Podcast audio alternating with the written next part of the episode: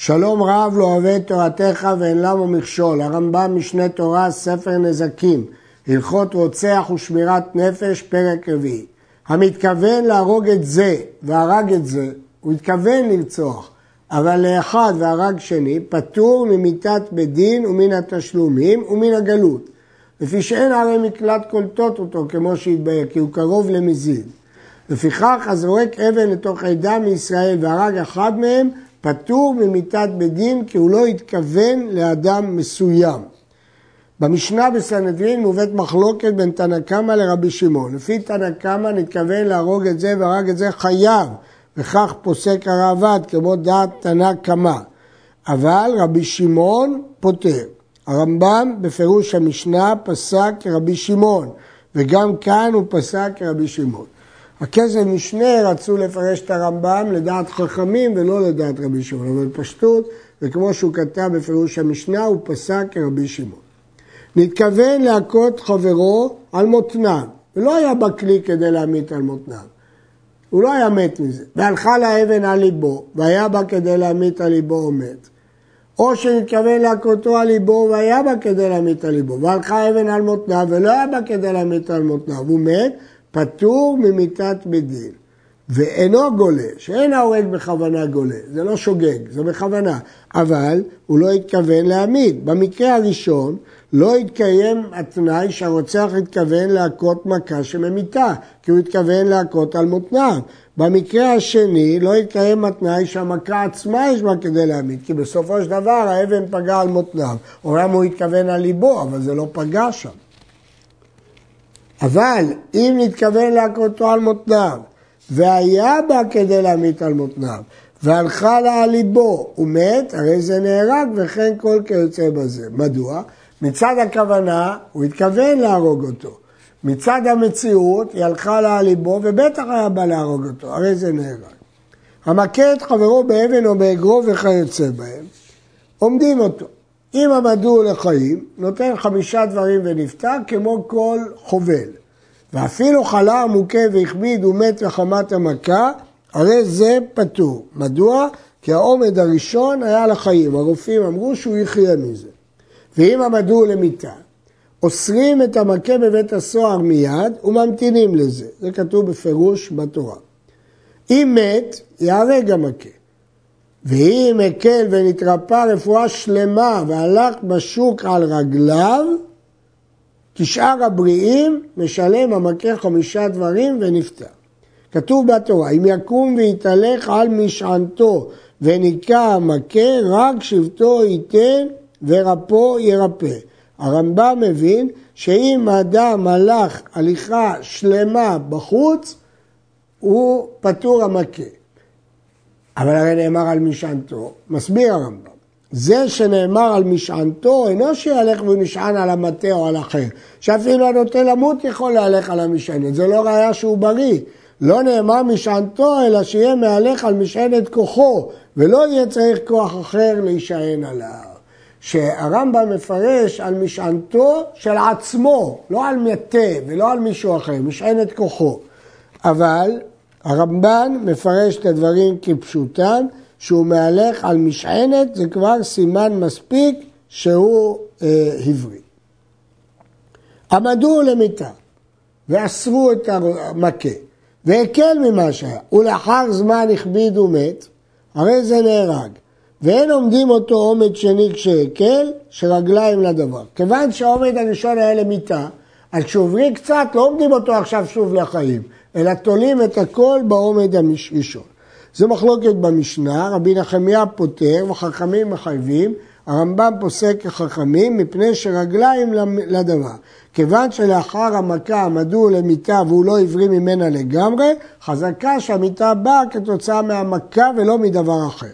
בנוסח המשנה שלפנינו, המילים שרגליים לדבר מובאות אחרי דעת רבי נחמיה שפוטר, ולכאורה כוונתם לומר כיוון שהוא הקל ממחלתו, משמע שהמיטה לא מחמת המחלה, אבל הרמב"ם מביא את הביטוי הזה רגליים לדבר כטעם לדברי החכמים.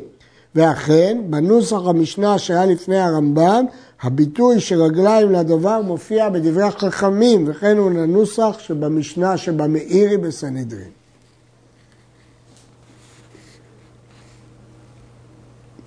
היכו עשרה בני אדם בעשר מקלות, הוא מת. בין שהיכו בזה אחר זה, בין שהיכו כאחת, כולם פטורים ממיתת בדין. שנאמר כל נפש אדם, עד שיהיה אחד שהרג כל הנפש. לא שהריגה היא בשותפות. והוא הדין ידחפו שניים כבשו שניים מתוך המים, שהיו רבים יושבים ויצא חצי ביניהם והרג, כולם פטורים. יש להעיר שהרשב"א לעומת הרמב"ם הסתפק בדין של שניים שדחפו לבור, אבל מהרמב"ם משמע שגם זה נקרא הריגה בשותפות. יש לדון במקרה האחרון, שרבים יושבים ויצא חץ מביניהם והרג, משהו שאדם אחד ירה, אנחנו לא יודעים מי ירה, אז זה לא דומה למקרים האחרים שותפים. וצריך עיון. זרקו בו עשרה אבן זה אחר זה וכל אחת מהם אין בה כדי להמית. וזרק אחד אבן באחרונה ויש בה כדי להמית ומת, הרי זה אחרון, נהרג עליו. במקרה הקודם כולם היו שווים, אבל פה התשעה היכו הכאה שלא הייתה ממיתה אותו, ורק ההכאה האחרונה המיתה אותו. רוצח שנגמר דינו ונתערב באחרים, ולא נדע מי מהם, כולם פטורים, כי אי אפשר להרוג מספק, אנחנו לא יודעים מי הוא.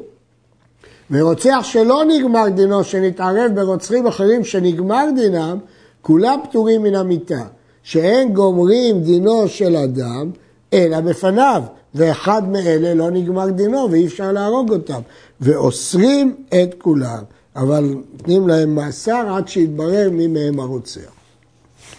ההורג נפשות, ולא היו שני העדים רואים אותו כאחת, הם לא ראו בבת אחת, אלא ראו האחד אחר האחד, לא בבת אחת. או שהרג בפני שני עדים בלא התראה, או שהוכחשו העדים בבדיקות ולא הוכחשו בחקירות. חקירות הן רק שבע, באיזה שבוע, באיזה שנה, באיזה חודש, בכמה בחודש, באיזה יום, באיזה שעה, באיזה מקום. מכירים אתם אותו, התריתם בו. אבל הבדיקות זה כל מיני בדיקות האחרות, והם הכחישו את, איתם. כל אלו, אבל לא הוכחשו בחקירות, אלא בבדיקות. אז אי אפשר להרוג את כל אלו. כל אלו הרצחנים שאי אפשר להרוג אותם במיתת בית דין, קונסים אותם לכיפה, כיפה זה תא בית סוהר שלפי הרמב"ם בפירוש המשנה יש בגוברו קומת אדם בלבד ואינו יכול לשכב ולא לישן. ומאכילים אותו לחם צר ומים לחץ עד שיצרו מהם, אחר כך מאכילים אותם שעורים עד שקרשם נבקעת מכובד החולי. ואין עושים דבר זה לשאר מחובי מיתות בדין, זה דין מיוחד ברצח. ואם אינו חייב, אלא בשאר מיתות בדין, אם יתחייב מיתה ממיתים אותו, ואם אינו חייב מיתה פותרים אותו.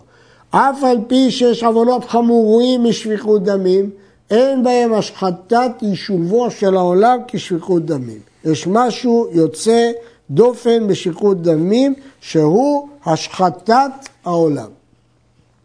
שאלו העוונות, גם אם הם חמורים, הם העוונות שבין אדם לקדוש ברוך הוא. אבל שפיכות דמים מעבירות שבינו לבין חברו, וכל מי שיש בידו עוון זה הרי הוא רשע גמור, ואין כל המצוות שעשה כל ימיו שקולים כנגד עוון זה, ולא יצילו אותו מן הדין, שנאמר, אדם עשוק בדם נפש. צא ולמד מאחאב, עובד עבודה זרה שנאמר בו רק לא היה כאחאב. וכשנסדרו עוונותיו וזכויותיו לפני אלוהי הרוחות, לא נמצא לו עוון של חברו כליה, ולא היה שם דבר אחר ששקול כנגדו, אלא דמי נבות. שנאמר, ותצא הרוח ותעמוד לפני השם, זה רוח נבות. ונאמר לה, תפתה וגם תאכל. והרי הוא הרשע לא הרג בידו את נבות, אחאב לא הרג אותו בידו, לסיבב על ידי עדי השקר. קל וחומר להורג בידו. רואים מכאן כמה עבירה חמורה זאת. יש להעיר שלמרות מה שכתב פה הרמב"ם, יש עבירה אחת שהרמב"ם כותב שכונסים אותו לכיפה, כמו שהוא כתב בהלכות סנהדרין, מי שעבר איסור כרת או מיתת בדין בלי התראה, לא הורגים אותו, ולא, אבל אם הוא עשה את אותו דבר שלוש פעמים, כונסים אותו לכיפה, כפי המקרה פה. המינים והם עובדי עבודה זרה מישראל, יהודים של עובדי עבודה זרה, או עושה עבירות להכעיס, לא לתיאבון. אפילו אכל נבלה או לבש שעטנז להכעיס, שזה עבירה לא של עבודה זרה, אבל להכעיס. הרי זה מין. והאפיקורסים הם שכופרים בתורה ובנבואה מישראל, מצווה להורגם. ואם יש בידו כוח להורגם בסי בפרהסיה, הורג, ואם לאו יבוא עליהם בעלילות עד שיסבב אה, הריגתם. כך היה בימי אה, חז"ל, שגרמו להם מיתה. כיצד? ראה אחד מהם שנפל לבאר והסולם בבאר, קודם הוא מסלק הסולם. הוא אומר לו, הרי נתערוד להוריד בני מן הגג ואחזירנו לך וכיוצא בדברים אלו. אבל הגויים שאין בינינו ובינם מלחמה, ורואה בהמה דקה מישראל וכיוצא בהם, אין מסבבים להם המיתה. ואסור להצילם אם נטו למות, כגון שראה אחד מהם שנפל לים אינו מעלהו, שנאמר לו תעמוד על דם רעך ואין זה רעך. במה דברים אמורים בישראל בעל עבירות העומד ברשעו ושונה בו תמיד, כגון הרואים בהמה דקה שפקרו בגזל והולכים באיוולתם.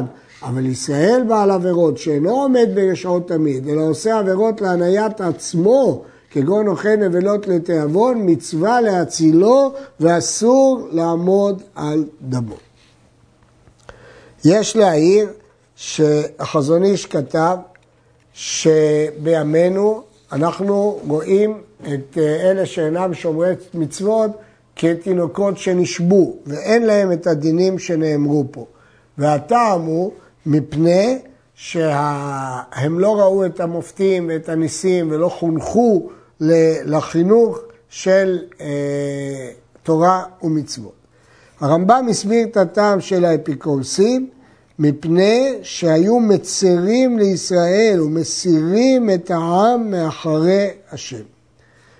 אה, הרמב"ם כותב בפירוש המשנה, שדין זה הוא רק באנשים עצמם שכפרו, אך בניהם שנולדו לתוך אותם דעות והתחנכו על פי דרך אבותיהם, הם כאילו תינוקות שנשבו, שהם אנוסים וצריך למשוך אותם באהבה ולהשתדל להחזירם בתשובה, כך כותב פירוש המשנה חולין א' ב'. עד כאן.